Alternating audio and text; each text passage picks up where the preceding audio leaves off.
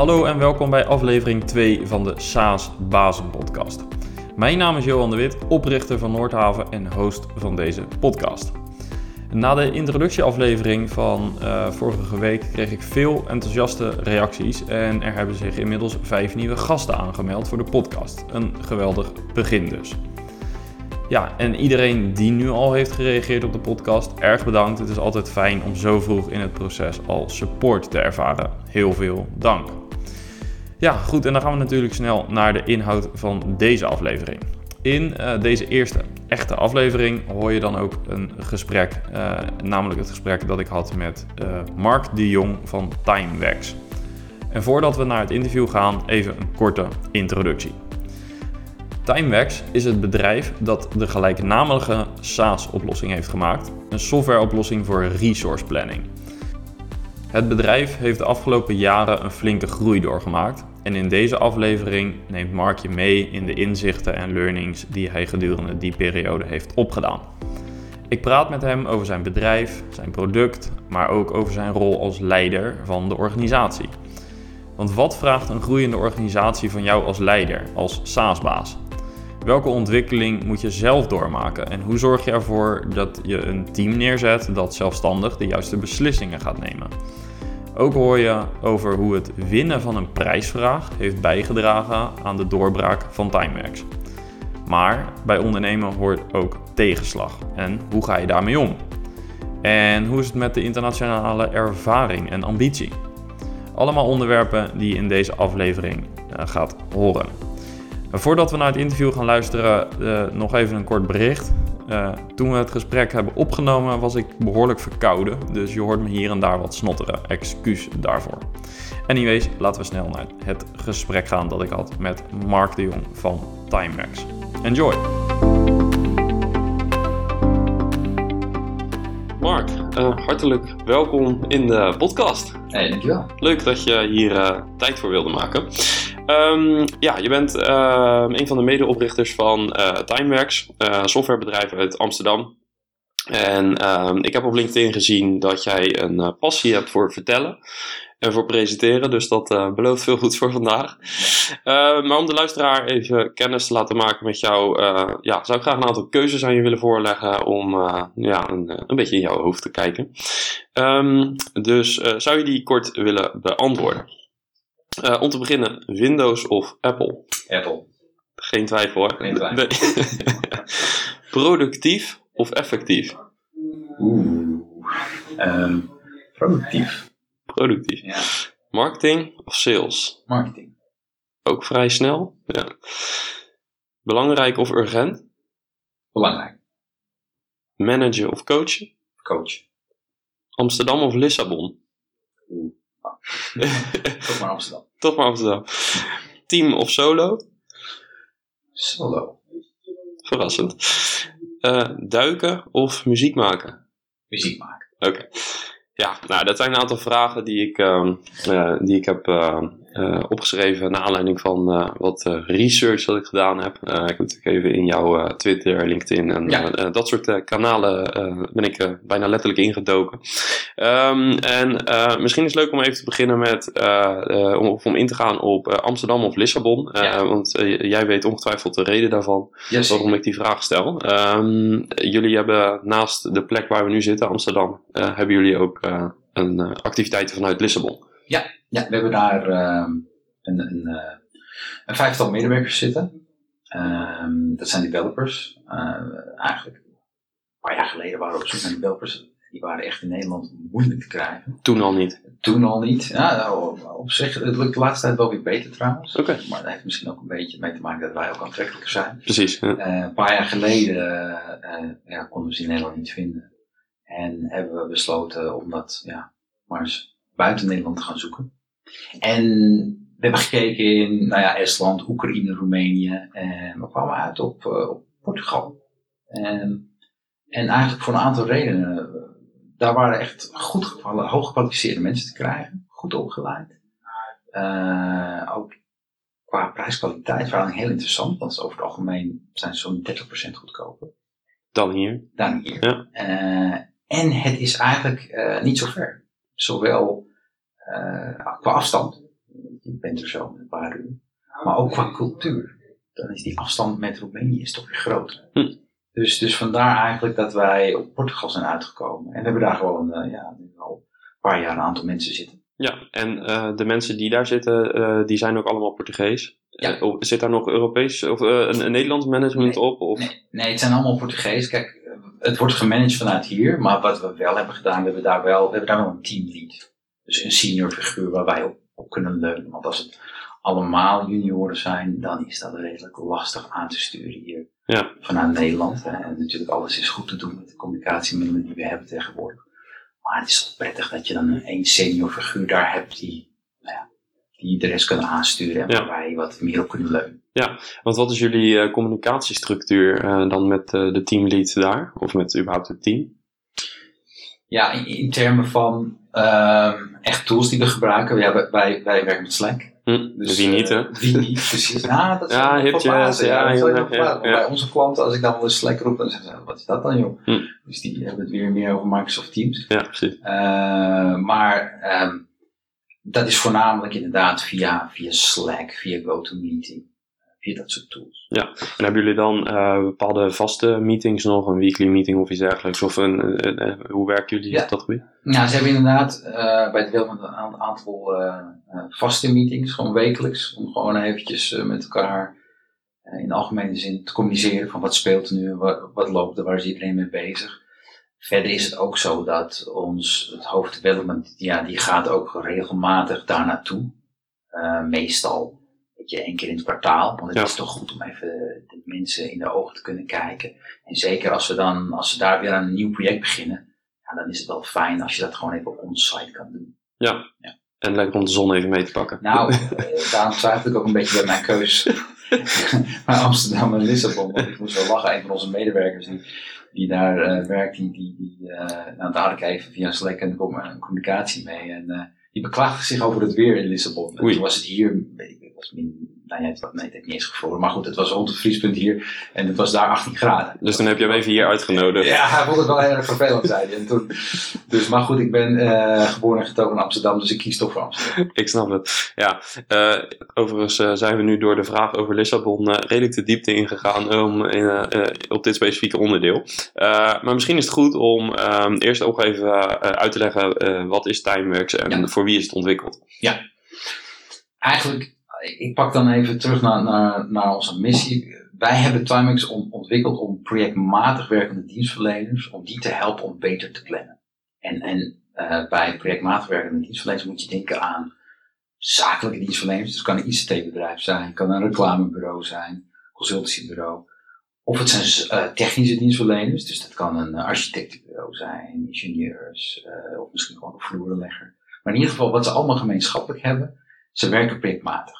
En ook wel eh, urenfabrieken, denk ik, als ik het zo Per definitie. Ja, het zijn, Eigenlijk tijd is het enige wat ze hebben. Daar moeten ze het mee doen. Ja. Mensen en de, en de tijd van die mensen. Ja. Eh, en ze werken aan projecten, waarbij projecten een beetje een containerbegrip is. Want het kan in onze wereld een klusje zijn van twee uur. Maar het kan ook een project zijn van twee jaar. Ja. Eh, met 50 activiteiten en afhankelijkheden. En alles wat ertussenin zit.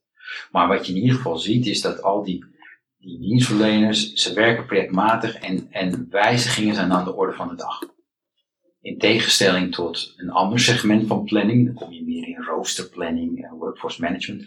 Daar is de demand, de vraag, is eigenlijk al bekend. En je gaat je workforce daarop inroosteren. Maar bij ons is die demand, althans bij onze klanten is die demand altijd anders, altijd, ja, elke dag wijzigt dat. Ja.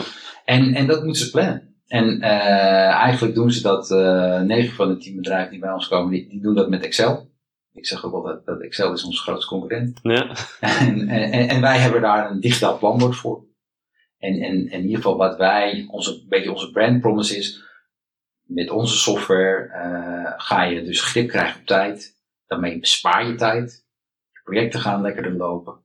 En je productiviteit van je, van je, van je bedrijf gaat omhoog. Ja. Eigenlijk met urenfabrieken als je productiever bent, ga je gewoon meer geld verdienen. Ja, precies. Zo Daarom simpel is het. In mijn, ik twijfel even met jouw keuze van productief eh, of effectief. Kijk, effectief is eigenlijk natuurlijk het meest gewenste antwoord, want iedereen wil effectief zijn, maar ik moest toch even kiezen voor productief, want Ja. zit in onze brand promise opgesloten. Ja, nou, die is bij deze dus eh, eh, verklaard. Ja. Ehm, Oké, dus eigenlijk geef je aan, ehm, wij helpen ehm, eigenlijk kenniswerkers, uren, of eigenlijk iedere organisatie die projectmatig werkt, eh, die helpen we om eh, nou, productiever te zijn. Ja. Dus, hè? Eh, dus ook daarmee waarschijnlijk meer winstgevend. Ehm, eh, hoe gaan jullie om in, in de marketing dan met, met die verschillende doelgroepen? Want ik kan me Ja. voorstellen dat een architectenbureau dat die weer toch wel weer wat andere behoeften heeft dan bijvoorbeeld een reclamebureau. Ja, ja. Nou, je ziet ook dat die markten op verschillende manieren zoeken. Dus, dus als je ook kijkt naar de search terms waarop gezocht wordt, ja, die zijn, die zijn heel verschillend. Waarbij de een eh, zoekt naar een planbord, een digitaal planbord, zoekt de ander naar een projectplanning tool en, en de derde zoekt iets voor resource planning. Dus je ziet ook in die verschillende markten worden wel wat verschillende termen gebruikt. Ja, daarnaast, even los van, van eh, bij het adverteren, ja, wij bloggen ook. En wij schrijven ook blogs. Ja, en de ene blog is wat meer gericht op een ICT-bedrijf, terwijl een andere blog is weer wat meer gericht op een architectenbureau. Dus op die manier proberen wij ja, wel content te maken die dus ja, eh, gericht is op de verschillende Op die verschillende groepen. Ja, Ja. helder. En eh, als je kijkt naar eh, de, de, software eh, aan zich, qua functionaliteiten, waar ligt dan het zwaartepunt? Het ligt dus op, op planning, maar ik zag dat jullie bijvoorbeeld ook nog bijvoorbeeld facturatie doen. Is dat Ja. iets wat echt ook een core feature is, of zit dat er meer dan aan vast? Of- Ja, ik denk dat laatste. Want eigenlijk, ehm, als, je, als, als je helemaal teruggaat naar hoe we zijn begonnen, zijn we eigenlijk heel breed begonnen. We noemen ons projectmanagement oplossing. Mhm. Alleen, ik zeg altijd, daar kwam ik toen achter, als je namelijk kijkt naar het weiland eh, dat projectmanagement eh, heet, dan staan er heel veel koeien op één plekje en die grazen al dat gras weg. Ja, Dus we kwamen er al snel achter van ja, dat, dat, dat projectmanagementweiland, daar moeten we niet staan, daar moeten we niet tussen staan. Dus, en op een gegeven moment kwamen wij in contact met de klanten steeds meer achter waar, waar nou echt een probleem zat. En dat was planning. En in dat weiland van planning, daar stonden niet zoveel koeien. Dus, dus, dus, dus wij hadden in eerste instantie hadden we eh, de propositie vrij breed neergezet, met onder andere ook facturering erbij. Maar we zijn steeds meer gaan focussen op dat planningsgedeelte. Want daar, daar was behoefte, daar was nog heel veel ruimte voor innovatie. Dus, dus ja, dat is de core. en ehm, als je dat, eh, als je zeg maar het onderscheid met eh, de projectmanagement tools moet maken, waar zit die dan Ja. echt? Als je dat heel scherp, als je, als je ergens een streep moet trekken. Ja, en dat, dat is best wel lastig in die software business. Hè, want eh, in andere industrieën is dat gewoon heel, heel duidelijk. Hè. Je hebt gewoon een auto en een auto, ze hebben allemaal vier wielen.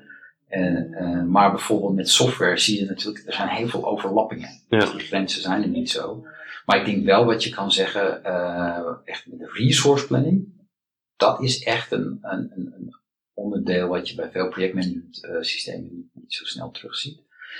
En echte projectmanagement oplossingen die pakken nog allerlei andere deelaspecten erbij. Eh, eh, daarbij is het ook van belang om issue management te doen, of risk management. Of, ja, ja, daar, daar waren wij in het begin ook wel mee bezig, maar dat, dat doen we allemaal niet. Nee. Wij zijn echt steeds meer gaan focussen op dat project en resource planning.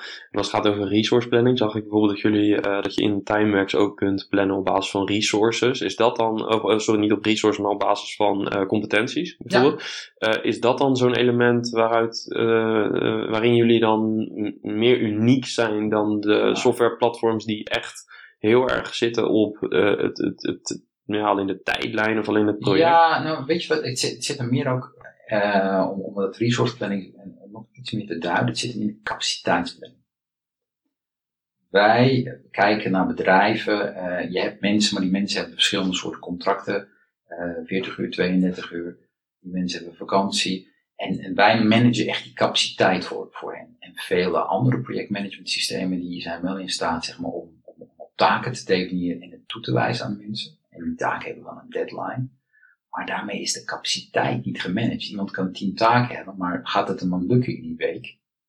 Dat is dan vaak in dat soort systemen niet gegeven, niet te bepalen. Nee. Want al bij de definitie van het werk is al niet aangegeven hoeveel, hoeveel tijd het kost.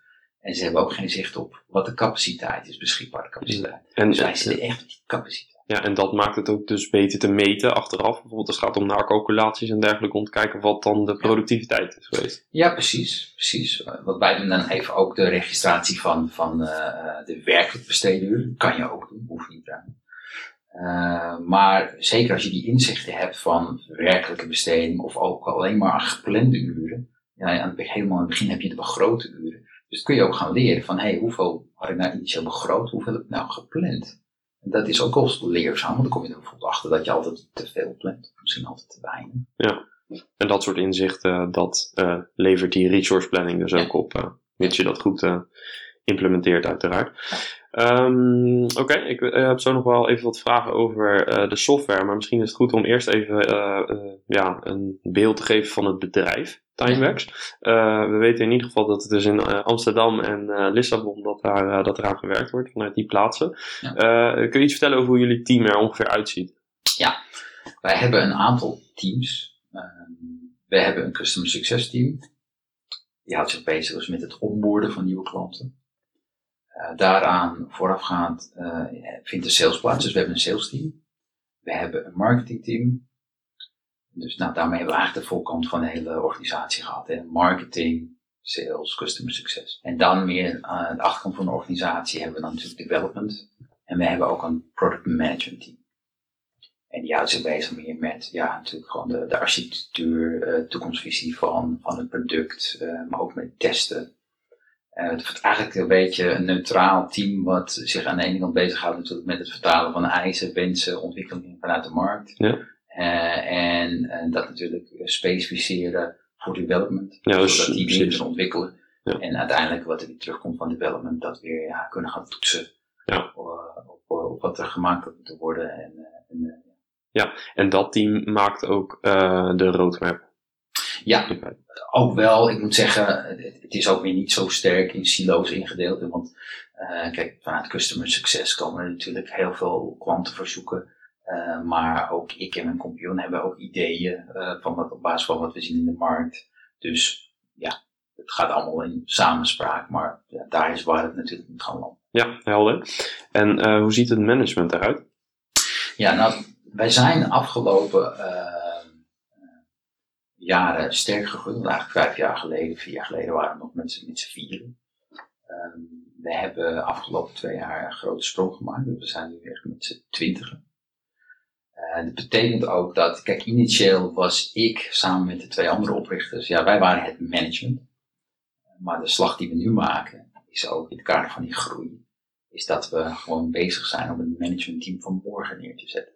Dus wat wij nu doen, eh, is dat we dus voor elk, elk van die teams die ik net noemde, ja, hebben gewoon één iemand benoemd die gewoon de manager is van het team. En die mensen zijn dan ook ja, het management voor morgen. Ja, en die rapporteren nu aan jullie. Ja, nou eigenlijk, we, zijn, we hebben dat net ingezet. We willen dat met, met hun zijn wij het managementteam. En, en eh, ik en mijn compagnon Jurgen, ja, wij zijn dan eigenlijk even ja, formeel de directieleden.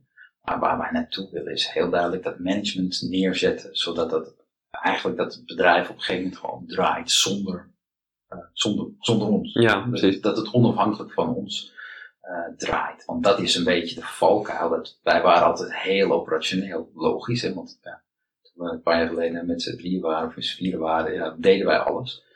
En dat is nu ook een beetje de ontwikkeling die, die ik ja, die ik persoonlijk doormaak, ja, daar moet je jezelf uit losweken. Ja. Je groeit. En, en dus jouw rol moet veranderen. Ja, dus je wil eigenlijk meer eh, aan het bedrijf gaan werken en minder in het bedrijf werken. Ja. Daar komt het eigenlijk op neer. Absoluut. Ja.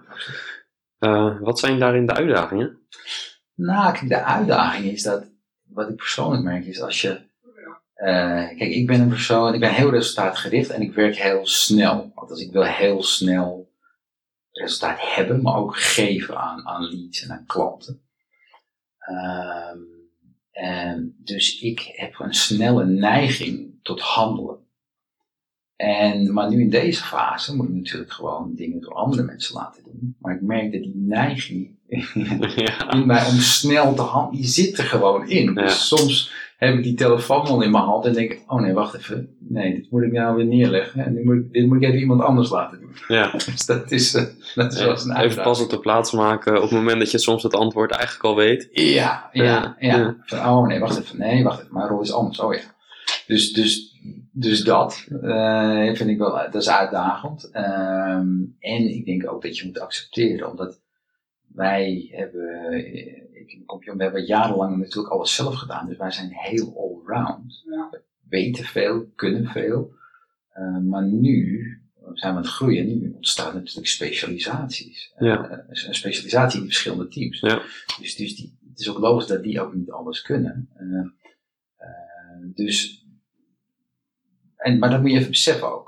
Ja. Even beseffen. Ja. En dat zij moeten ook een eigen proces doormaken om, eh, om ervaringen op te doen en dingen te leren. Ja, dus eigenlijk van, van de fase waarin jullie de afgelopen jaren hebben gezeten, waarin jullie min of meer het product bouwden, uiteraard met behulp van het team, Hmm. eh, kom je langzamerhand meer in de fase dat jullie aan de mensen bouwen. Absoluut. En die mensen die bouwen het product. Absoluut, absoluut. Inderdaad, het idee is gewoon van, oké, wij moeten voor de mensen zorgen. En de mensen zorgen voor de klanten. Ja. En voor het product. Ja. Maar dat is dus spannend. eh, Nou ja, eh, bij, eh, op, op sommige momenten. Dat is, dat is spannend. Kijk, en soms is het, we hebben natuurlijk nog steeds situaties dat we bepaalde klanten hebben of bepaalde leads. Ja, dan is het wel nodig dat, dat wij even instappen. Al is het alleen maar omdat het ook soms gewoon wordt verwacht dat, dat, dat er een directeur over de vloer komt. Ja, precies. Of dat je gewoon net even het verschil kan maken. En dat is ook prima.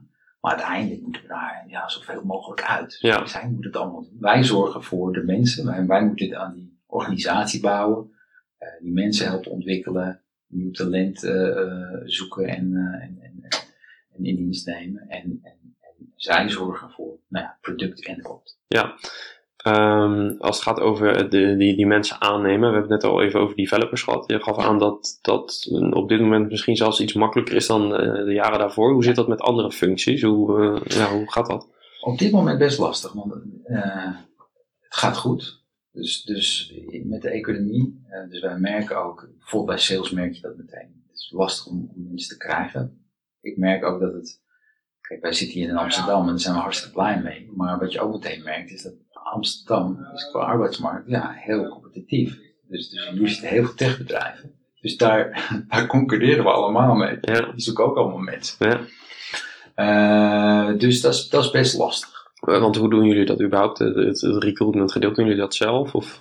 Nou, we hebben dat eigenlijk, eh, dat, dat hebben we uitbesteed, maar we zijn nu daar ook een stap in aan het nemen. Omdat voorheen was het toch gewoon simpelweg, we hadden daar niet, zelf niet de tijd voor om dat te kunnen doen. Dus we, we, we hebben het uitbesteed en daar hebben we ook goede resultaten mee behaald. Maar we zitten nu wel ook in een omschakeling dat we zien dat eh, het aantrekken van nieuw talent is eigenlijk gewoon een wezenlijk onderdeel van ons bedrijf. Ja. Dat moet het zijn. En zeker nu in de veranderende functie. Ja, ja. ja. Ja. Dus, dus omdat wij aan het groeien zijn, als we willen blijven groeien, dan is dus het, het, het vinden van, van goede mensen is eigenlijk gewoon een, een, een belangrijk onderdeel van ons bedrijfsproces. Ja. Dus wij zijn daar nu wel langzaamaan stappen in aan, aan het ondernemen, dat we eh, zelf actief voortdurend op zoek gaan naar nieuw talent. Ja. En, en op een gegeven moment denk ik ook langzamerhand ja, afscheid kunnen gaan nemen van recruiters. Ja, helder.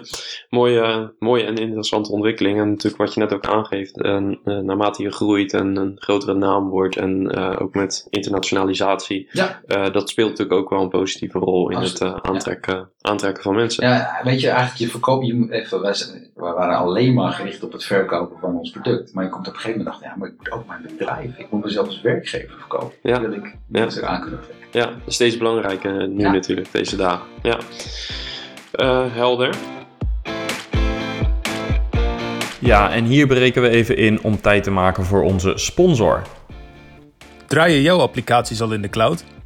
Bij Luna staat een team specialisten klaar om je te helpen met de hosting van jouw applicaties. Geen hoge investering, betalen per gebruik, je kunt altijd op en afschalen, altijd beschikbaar en geen zorgen over onderhoud. We voeren updates en bugfixes automatisch voor je uit en je krijgt 24/7 support door specialisten met vakkennis. We komen niet met onbegrijpelijke SLA's en zorgen ervoor dat jouw SaaS-oplossing altijd en overal toegankelijk is voor jouw klanten. Luna, sinds 1994 partner voor managed hosting.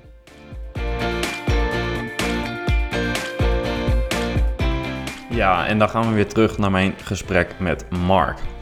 Ik vroeg hem naar de ontwikkelrichting van Timeworks. Mijn vraag was: jullie hebben een roadmap die deels gebaseerd wordt op klantfeedback. Maar uh, als we wat verder in de toekomst kijken, laten we zeggen drie tot vijf jaar, welke ontwikkelingen kunnen we dan verwachten van Timeworks? Ja, nou, um, kijk, het is, het is zo dat, dat aan de ene kant kijken we inderdaad naar wat, wat klanten willen. Maar over het algemeen wat wij zien is dat daar komen wel ideeën uit voort, maar dat zijn meer gewoon altijd verbeteringen op bestaande functionaliteiten, waardoor het weer, nou, laten we zeggen, 20% beter wordt. Uh, maar uh, voor wat grotere innovaties, ja, die komen wat minder snel van klanten, dus dat, dat zit meer aan onze kant. Um, wat je van ons mag verwachten uh, komend jaar, of de komende maanden. Wij, wij zijn druk bezig met een tweeweg integratie met agendasystemen. Dus normaal pushen wij de planning al naar agendasystemen, maar nu willen wij dat ook uh, gaan inlezen. Dus dan kunnen eigenlijk medewerkers gewoon in de Outlook gaan plannen. Dat vanuit Outlook of vanuit Google Calendar aan een project hangen. Met een Timex plugin. En daarmee uh, zien ja, planners, management, zien dan meteen in het planbord ook gewoon wat, wat mensen, hè, waar, waar mensen zichzelf op hebben ingepland. Ja. Uh, dat is een, een belangrijke innovatie. Uh, we willen ook een oplossing gaan maken voor ZZP'ers.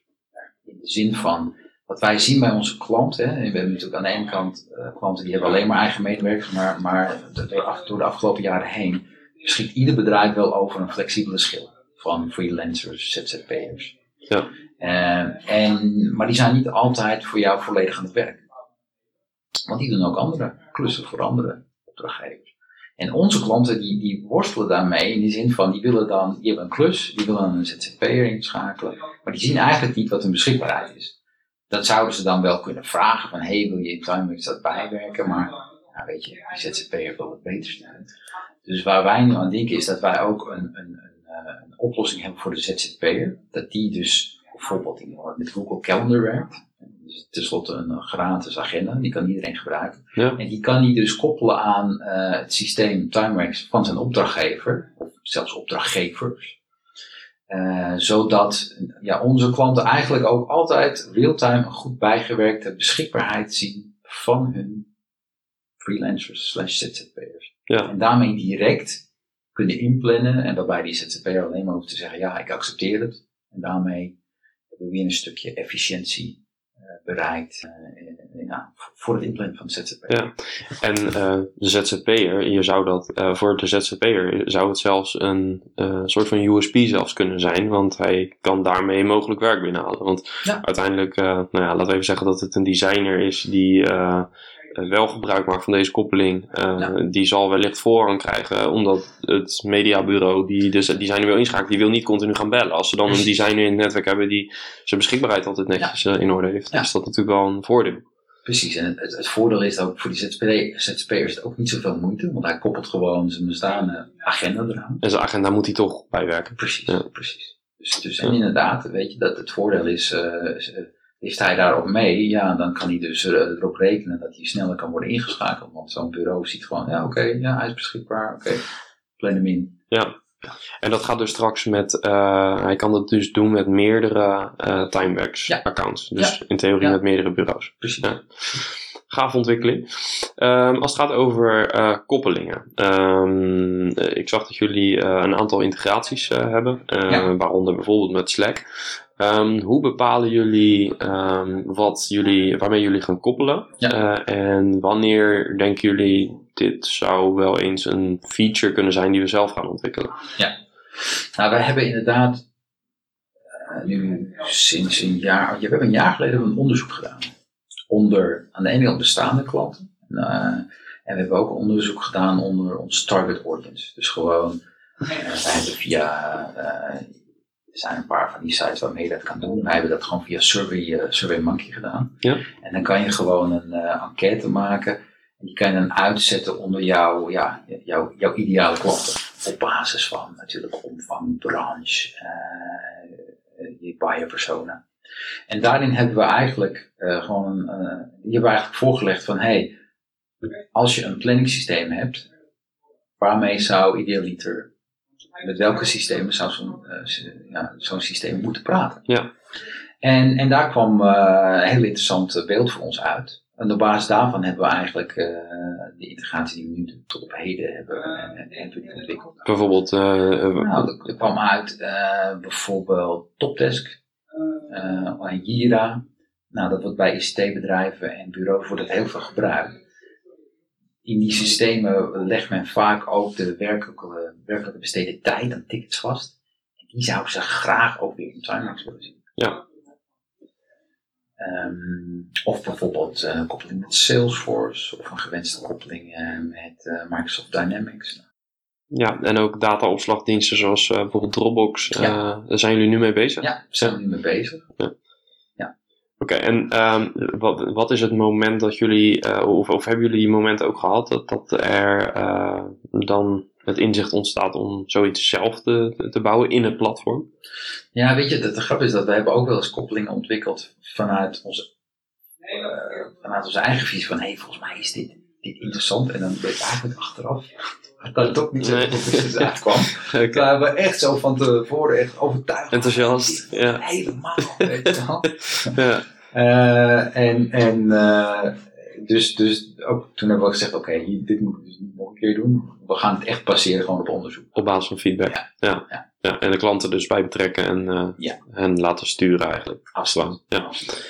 Helder. Ehm, als het gaat over ehm, de, de, nou ja, de, de groeicijfers, hè, jullie geven in, eh, op de website aan dat eh, de omzet eh, op jaarlijkse basis eh, ergens in de 6 nullen is op dit moment. Ehm, ho- eh, hoe gaan jullie om met het, het stellen van doelen en het, het meten van die doelen, KPI's? Hoe Ja. doen jullie dat? Nou, je hebt natuurlijk voor SaaS-bedrijven heb je eh, sowieso wat typische metrics. eh, die volgen we. Maar wij zijn nu ook, vertelde net al, we zijn nu bezig met, de- met, met de installatie van een nieuw managementteam. En wij gaan nu ook werken volgens de methode van OKR's, dus Objectives and Key Results. Ja. Dat is een methode die zie je, die wordt veelvuldig gebruikt. Eh, het bekendste voorbeeld daar eh, is, is Google.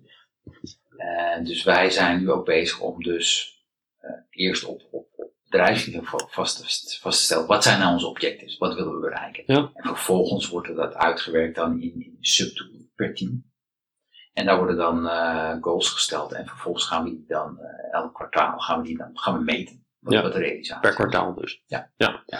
En hebben jullie dan nog een bepaald dashboard of iets dergelijks wat jullie dan met het team delen? Of is dat meer iets wat nu nog binnen het managementteam Nou, bijgehouden wordt? kijk, het idee is van, van die OKR's is eigenlijk dat je het helemaal cascadeert tot het persoonsniveau. In eerste instantie eh, doen we het nu alleen even op teamniveau, zodat we met het managementteam dat we daarmee leren werken. En de komende maanden wat ervaring opdoen.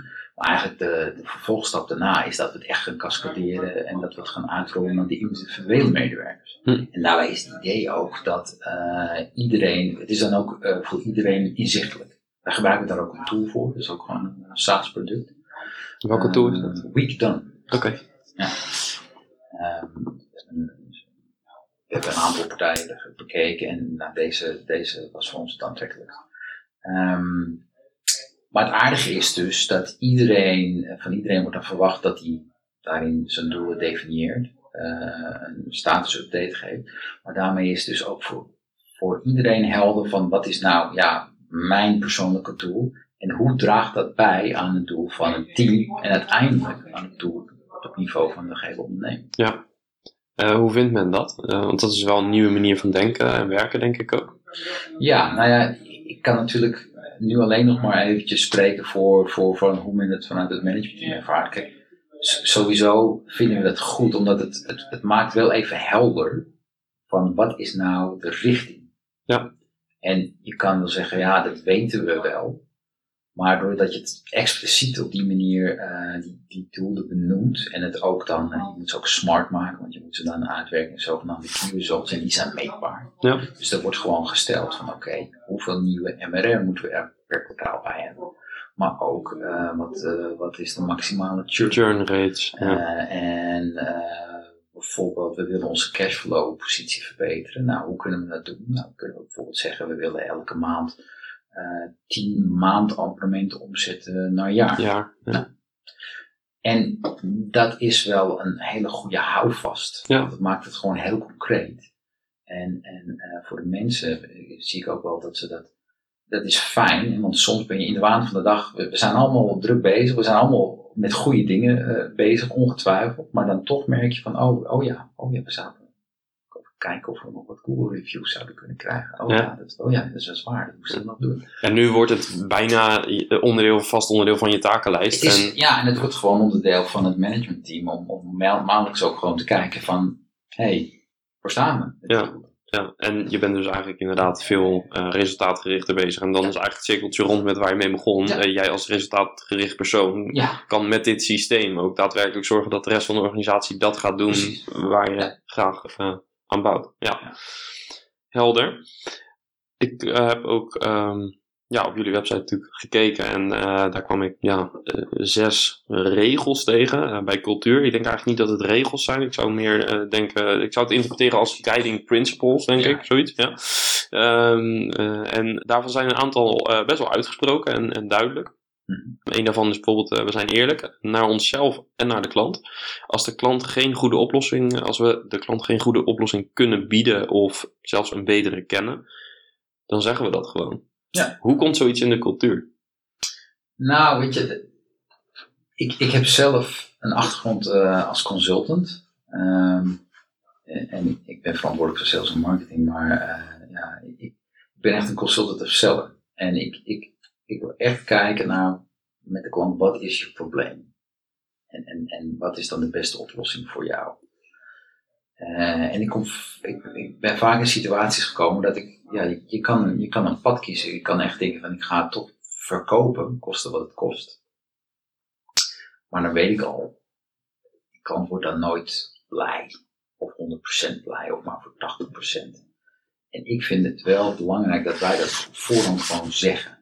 Eh, dat levert ook hele interessante gesprekken op en ook interessante situaties. Want ik heb wel eens vaak meegemaakt dat ik dan zeg, nou volgens mij eh, gaat het niet werken. En dat, dan gingen zij allerlei argumenten verzinnen waarom het wel zou Ja, werken. ja, ja, ja, ja. Dat Zo kan het dus ook. ja, zo kan het dus ook. Eh, maar ik vind het wel belangrijk om, om echt goed aan te geven wat mensen van ons kunnen verwachten. Want kijk, wij werken met abonnementen, dus in het ergste geval, ik verkoop, ik verkoop het ze. Ben misschien niet helemaal duidelijk, ik, ik gok het erop. En dan gaat het niet werken. En dan ont- ontstaat een negatief eh, sentiment. En, en dan in het ergste geval, na één of twee maanden, ja, dan stromen ze alweer uit Ja. Of ze, ze En- hebben heel veel belasting op de support. bijvoorbeeld. Eh, en ja, eh, ze zijn negatief over ons. Ja. En dat, ja, dat kunnen we gewoon niet gebruiken. Nou, nou, nou, nou kan ik dit in theorie heel goed volgen, maar ik kan me ook voorstellen dat eh, eh, veel SaaS-bedrijven, als, als SaaS-bedrijf moet je eigenlijk snel groeien om, Mm. om, om eh, door te kunnen ontwikkelen en om voor te blijven.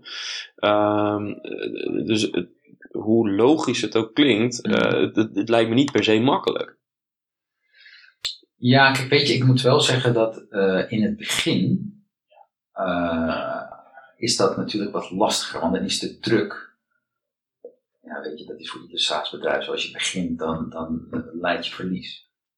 Dus in het begin voel je wel die spanning, want ik voelde toen ook die druk van, ja, maar ik moet gewoon die MRR scoren. Ja. Anders gaan we het gewoon dat gaan we het niet halen. Ja, want het kan in conflict zijn met je doelstellingen. Ja, ja, Dat, dat, dat kan. Eh, maar inmiddels eh, is dat wat anders. Inmiddels, weet je, we zijn, we zijn zelfs winstgevend. Wat, wat, helemaal een soort gek ding voor zo'n bedrijf. Ehm, maar dat, dat, maakt, dat, dat geeft iets meer comfort. Om, Ja. om ook, ook te kunnen zeggen: van, nee, maar luister, ik denk echt dat dit geen goed idee is. Laten we dat gewoon. Ik stel voor dat je het niet doet. Dat durf ik gewoon echt te zeggen. En ik, ik, ik vind het ook gewoon belangrijk, want zo, ik kan, ik kan eigenlijk niet eh, aan mezelf verkopen dat ik dan eh, een maand later dat ik een heel vervelend gesprek heb met iemand die zegt, ja, maar jij zei en, eh, en dan weet ik diep van binnen van ja, ik heb toch een beetje op dit onderwerp op de vlakte gehouden, zodat ze toch maar ja, zo kan ik niet met mezelf leven. Nee, oké. Maar En dat probeer ja, ik ook ja. uit te dragen, gewoon eh, naar, naar de rest. Het lijkt me voor het team overigens een verademing, zo'n visie. Maar dat is Mm. wel, eh, eh, ja, het kan op sommige momenten, kan het natuurlijk best wel even tegenstrijdig voelen. Ja, ja, maar dan ben ik misschien eerder geneigd om te zeggen, nou dan maar iets minder hard groeien. Ja. Maar ik wil het wel goed in doen. En duurzamer dus. Precies. Ja, gewoon zorgen dat eh, de mensen positief en enthousiast zijn. Ja. Ehm, eh, eh, hoe hebben jullie die eh, zes ja, principes, laten we zo maar even noemen, hoe, willen- hoe, zijn die samengesteld? Is dat een democratisch proces geweest of is dat meer iets waar jullie als management mee zijn Ja, gekomen? ik denk in eerste instantie hebben wij dat, dat als management zo neergezet. Meer ook vanuit de ervaring. Aan de ene kant, je kijkt naar jezelf, je kijkt naar je eigen waarden. Maar we hebben ook gewoon heel erg gekeken naar hoe ervaren klanten ons. Dat, dat vonden we eigenlijk heel belangrijk. Eh, hoe zij ons ervaren. En eh, bijvoorbeeld, eh, we zijn informeel. En, en dat, dat voelt voor onszelf prettig. Maar wij merken ook dat dat voor klanten prettig werkt. Want die hebben gewoon het gevoel dat ze met een partner praten. En eh, het is al zoiets heel simpels ook. Even, ook eh, even los dat het ook heel makkelijk is vanuit sales. Want weet je, als wij iemand bellen en het is een directeur. Ja, hallo, ik ben op zoek naar Jan. Weet je, dat, dat is... eh, maar dat, en dat, daarmee verklein je de afstand. Dus dat is, dat is aan, aan de ene kant ook, ook fijn. Maar wij zien ons echt ook gewoon als iemand die naast je staat. En zo ervaren klopt het. Ja, Eh, en ook met, met, met bijvoorbeeld, eh, nou, we, we vinden het lekker om snel te werken en ook snel te reageren. Dat lukt ook wel eens niet eh, door omstandigheden. Maar we, we proberen wel gewoon heel snel, heel kort op de bal te kunnen spelen. Zodat klanten ook ja, op die manier van ons ervaren, ervaren van, ja, weet je, nou, ze reageren lekker snel. Dus, Ja. ja. en ook natuurlijk omdat heel veel eh, klanten van jullie, die zullen ook de software voornamelijk voor hun primair proces gebruiken. Dus als ze vastlopen, hebben ze waarschijnlijk Ja. ook operationeel wel echt direct ja, ja, een probleem. Ja. Ja. Ehm, hoe, eh, jullie eh verkoopt in meerdere landen. Mhm. Welke landen zijn het voornamelijk? Nou, we hebben ons de afgelopen tijd echt gericht op sowieso onze, onze thuismarkt, Nederland en België. Dat hebben we altijd gewoon even de, de Nederlandstalige markt.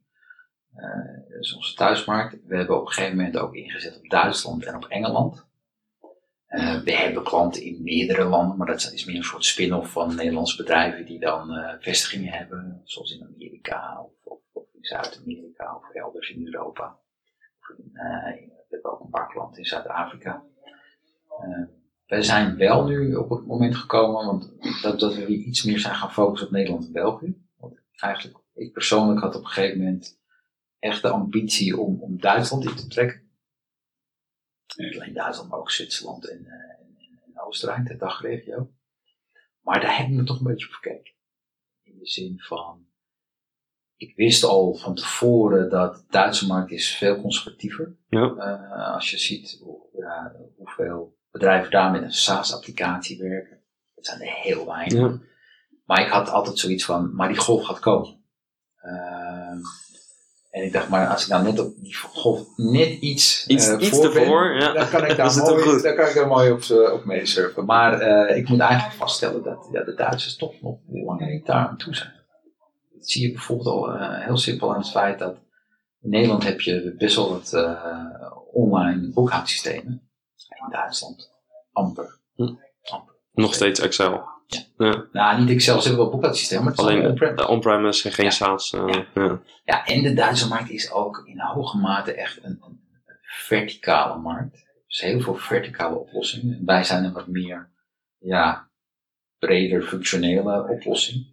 Dus, dus eh, zij zijn daar eh, gewend dat je daar bijvoorbeeld een op, je hebt de- de timmerlieden hebben daar een eigen brancheoplossing en de loodgieters hebben weer een andere. Ja. Bij wijze van, met eigen terminologie. En nou ja, je merkt dat het voor ons daar ook lastiger is. Ja. Dus, dus ik heb nu even pas op de plaats gemaakt van oké, wacht, die golf is nog niet. Maar als die er is, dan misschien wel weer. Nou ja, we zijn wel helemaal, zeg maar, we zijn er bij hem klaar voor. In die zin, we hebben, we hebben ook gewoon hele leuke Duitse klanten. En, en, en eh, het product is helemaal in het Duits. En weet je, dat, dat staat allemaal eh, in de stijgers. Maar eh, Het is wachten tot de oosterburen gaan. ja, eh, nou, op een gegeven moment moet je ook gewoon realistisch kijken van, hé, hey, wat hebben we erin gestopt qua, qua eh, acquisitie. Ja. En wat levert het op? Dus het is ook gewoon het sommetje van, eh, van je, je, je, je kak en, en de LTV. En dan, nou, die ratio was niet zo goede verhouding. Niet zoals die in Dus Nederland is. Nee. Plus het feit dat er in Nederland ook nog kansen genoeg Ja, dat is ook zo. Ja, precies. Ja. Ja. En de, als het gaat om uh, de communicatie, merken jullie ook nog verschil in, in communicatie met bijvoorbeeld Engelstalige landen en uh, de, de, de Belgische markt zelfs? Want wat wij bij klanten regelmatig horen is dat uh, zelfs met de Belgische markt dat de, de tone of voice al wat formeler is, de relatie Mhm. wat formeler. Merken jullie dat Ja. ook? Of? Dat valt bij ons wel mee. Ik, ik, ik begrijp wel wat je bedoelt, want over het algemeen zie je dat, dat men in België ook iets formeler en hiërarchischer is georganiseerd.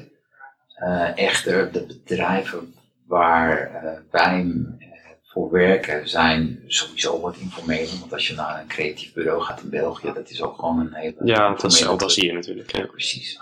Dus, dus dat, dat ervaren wij niet zo met betrekking tot België. Uh, Duitsland bijvoorbeeld, ja, dat is. Daar, daar zijn we ook in conflict met een van onze core values. Weet je wel, wij willen, hè, we zijn informeel Ja. en we, we willen heel informeel benaderen. Nou, dat, dat lukt dus niet in Nee. Stel, uh, over een jaar of twee, drie uh, is de markt daar uh, wat verder. En zou het qua product rijp zijn om, om daar ook naartoe te gaan. Zou, het dan, zou je dat dan vanuit hier gaan positioneren? Of zou je dan misschien met een, een, ja, een Duits kantoor, een Duitse sales rep, zou je dat Ja. gaan doen? Nou, ik, ik, heb het, ik heb het afgelopen jaar ook geprobeerd met een, met een uh, native speaker die hier werkt. Uh, maar ja, goed, weet je, de markt die was nog niet klaar daarvoor.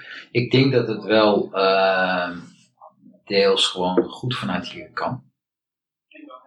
Maar wat ik ook zie in het, hier in Nederland, kijk, het meeste kunnen we allemaal remote doen. Maar als, als er toch wat, uh, wat grotere klanten, ja, dan, dan is het vaak, of het wordt wel echt zeer op prijs gesteld, zeg maar meer geëist, dat je toch op locatie komt. En dat is dan met name tijdens de implementatie? Of, Nee, nee, of- in de salesfase. in de salesfase. Ja, kijk, want als je sommige grote klanten hebt, eh, weet je, dan, dan, eh, ja, dan, kan dan zou je toch echt wel even misschien een keertje langs de afdeling inkoop moeten. Of, of je weet gewoon, als je dan er toch naartoe gaat, dan kan je net dat verschil maken.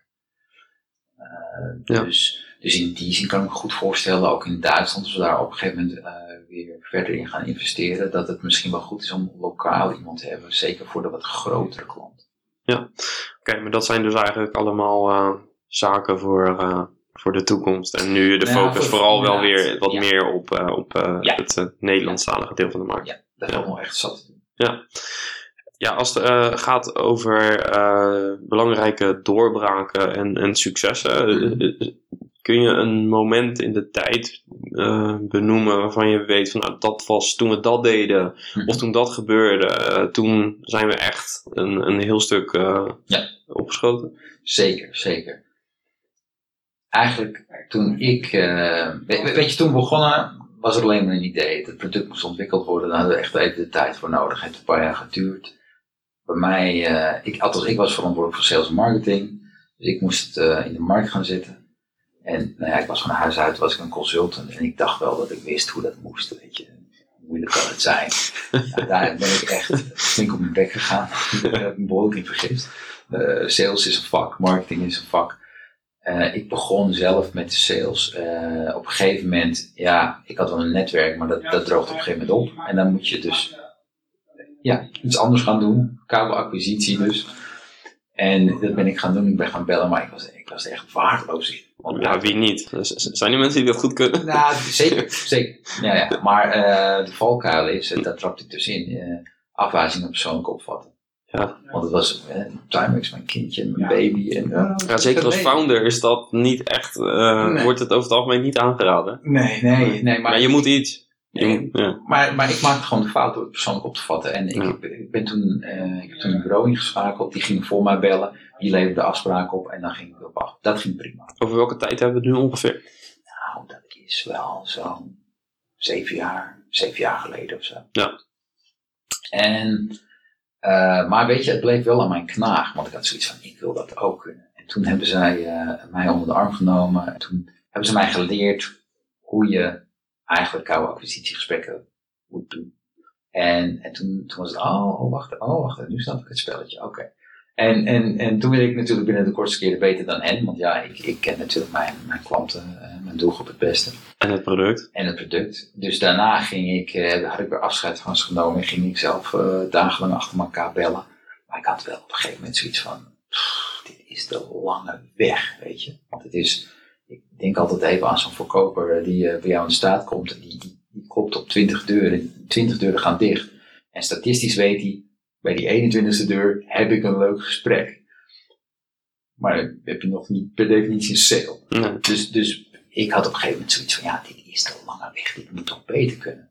En ik had, wij deden op dat moment aan marketing, ja, niet zoveel. Ik had een uh, Google AdWords account, ik stopte daar 300 euro in en er kwamen leads uit. Dus ik dacht, oké, okay, check, geregeld, dit werkt. Dit is wat het is. Ja. Uh, maar in, in die tijd, uh, was ik geabonneerd op Perry Marshall. Dat was een AdWords guru in Amerika.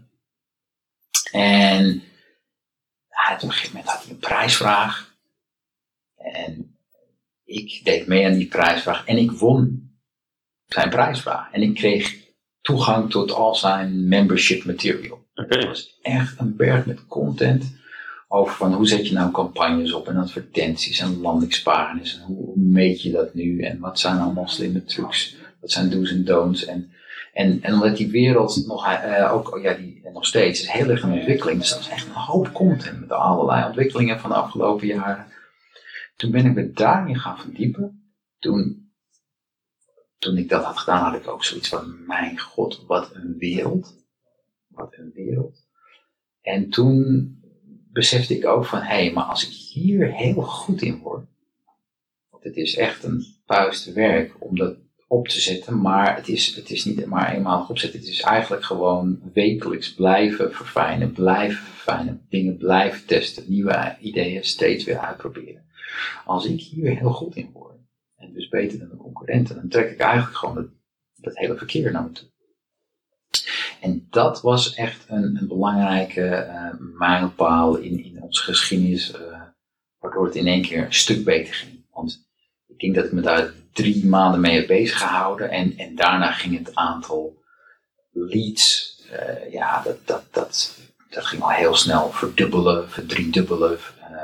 ja, toen ging het heel snel. Ja.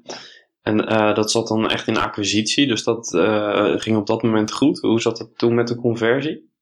Nou, dat is inderdaad, het begint natuurlijk in eerste instantie dat het je lukt om een hoop verkeer uh, over je af te roepen. Maar dat wil inderdaad niet zeggen dat je dan ook kwalitatief goede leads binnenkrijgt.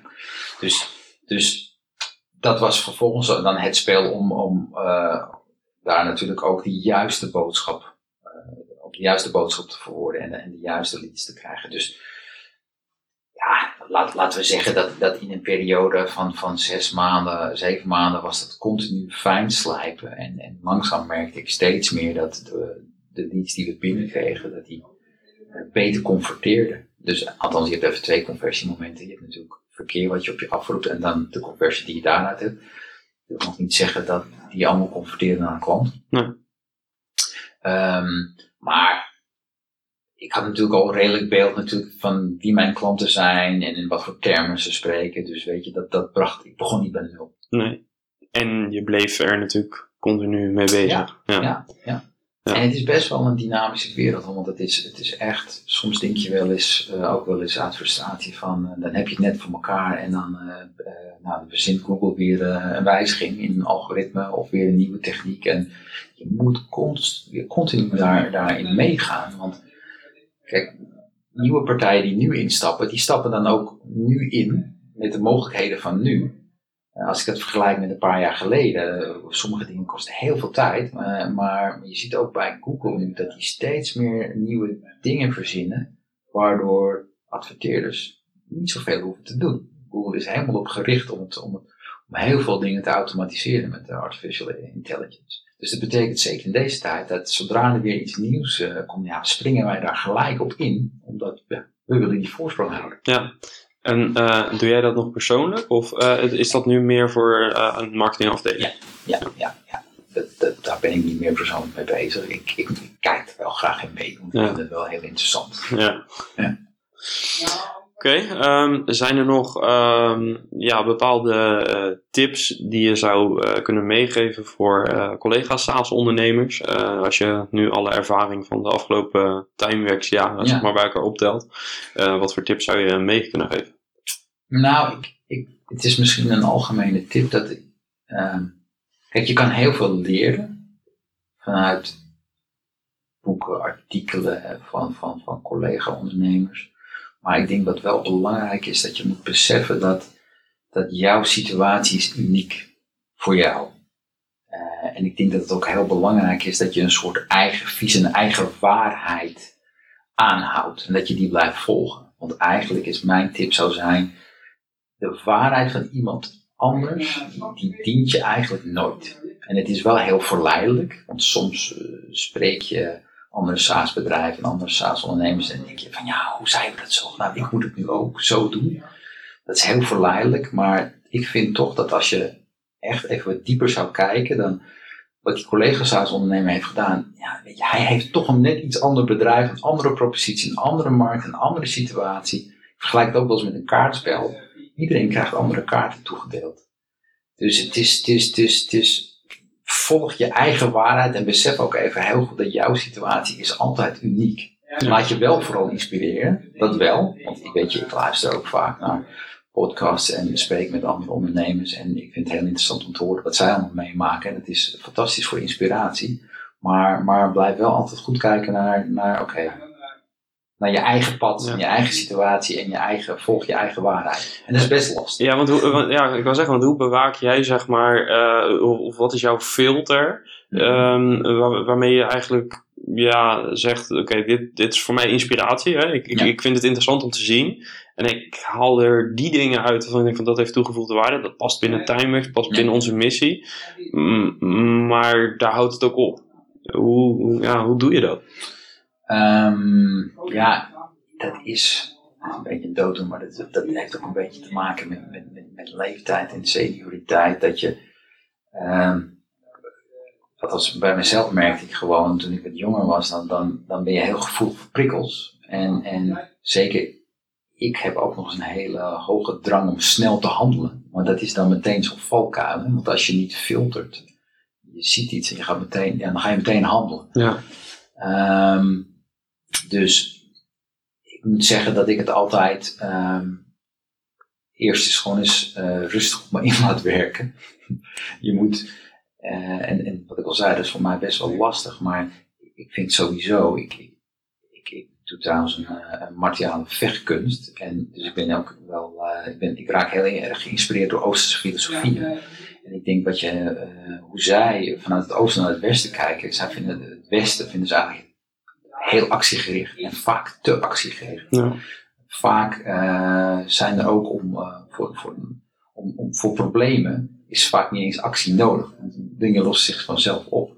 Dus, dus ik denk dat je soms even, eh, je moet onthouden van actie.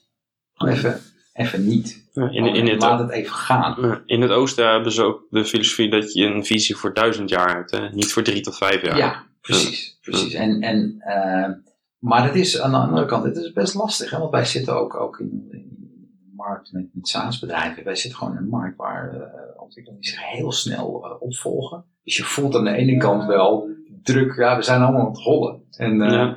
En dan voelt het wel eens, eh, wel eens moeilijk om dan even te zeggen, nee, ik moet even stilstaan. Maar dat is denk ik toch de wijsheid. Ja.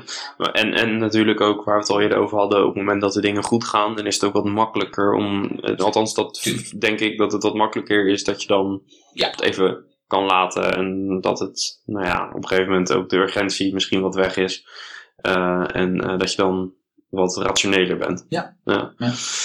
Oké, ehm, dank voor, dat, eh, voor het delen van dat inzicht. Ehm, eh, tot slot nog een eh, finale eh, tip als het gaat om boeken, blogs die iemand zou kunnen volgen en andere zaken die inspireren.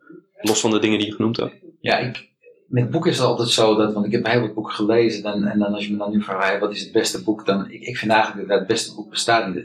Er bestaat wel een soort beste, of eh, het juiste boek op het juiste moment. En, en wat voor mij wel even de laatste maanden het juiste boek op het juiste moment was, was The Obstacle is the Way. eh, auteur is mij ontschoten. Dat maar- gaan we opzoeken en in de show notes vermelden. ja, ja. Ja, maar die Obstacle is the Way, dat, dat, dat vind, vind ik een heel mooi boek. Eh, wij hadden de afgelopen maanden best wel even een, een, spannende periode. Want een van de oprichters die is uitgestapt. En dat, dat was, ja, weet je, dat is toch even een klap eh, in de zin van, beschouwd, eh, ik vergelijk het even met een scheiding, weet je. eh, en eh, je, hebt een, eh, je hebt een huwelijk en, en je hebt kinderen. Nou, even, per- laten we zeggen, personeel. Ja, En ja, dat moet je goed managen. Ja. Want je wil niet dat het een vechtscheiding, eh, eh, dat het een vechtscheiding wordt en dat de kinderen ook nog eens daar een trauma aan overhouden. Eh, dus dat vond ik een hele spannende periode. En dit was dan even het boek wat op mijn pad kwam, waardoor ik weer even, ah, oké, helder. Zo kan ik er naar kijken. In dit geval, hè. Eh, het obstakel, de situatie, kan, kan je dan ook even vanuit een ander perspectief eh, bekijken. En gewoon, nou ja, gaan, gaan zien als een uitdaging. Wat kan ik hier aan doen? dus het zet je eigenlijk, je, het, empowert je om vanuit, te kijken vanuit de, de mogelijkheid, zeg Ja. maar, wat, wat het je Ja. kan brengen in plaats van Ja. wat het je kost. Precies, precies. En eigenlijk voor mij was dat zoiets van, ja, wacht even, dit komt op je pad. Dit is, vind je, dit is niet leuk, dit is vervelend. Eh, maar dit is dan ook gelijk eh, een periode van groei, van persoonlijke groei. Als je deze noot kunt kraken, dan voegt dat eigenlijk heel veel toe Ja. aan je rugzakje. Helder. Dat is, eh, ja, denk ik mooi, eh, mooi om mee af te sluiten. Ja. Ehm, ja, wil ik je echt ontzettend bedanken voor eh, je tijd, maar vooral je inzichten en je, je openheid. Alle, alle ja, mooie dingen die, die je hebt gedeeld. Ja. Ehm, ja, eh, onwijs interessant denk ik voor, eh eh, voor SaaS-ondernemers, voor collega's SaaS-ondernemers, maar denk ik ook eh, marketeers, eh, developers, eigenlijk iedereen die eh, eh, in of eh, rondom eh, ja, de SaaS-wereld eh, werkzaam is. Dus eh, ja, nogmaals dank. Nee, graag gedaan.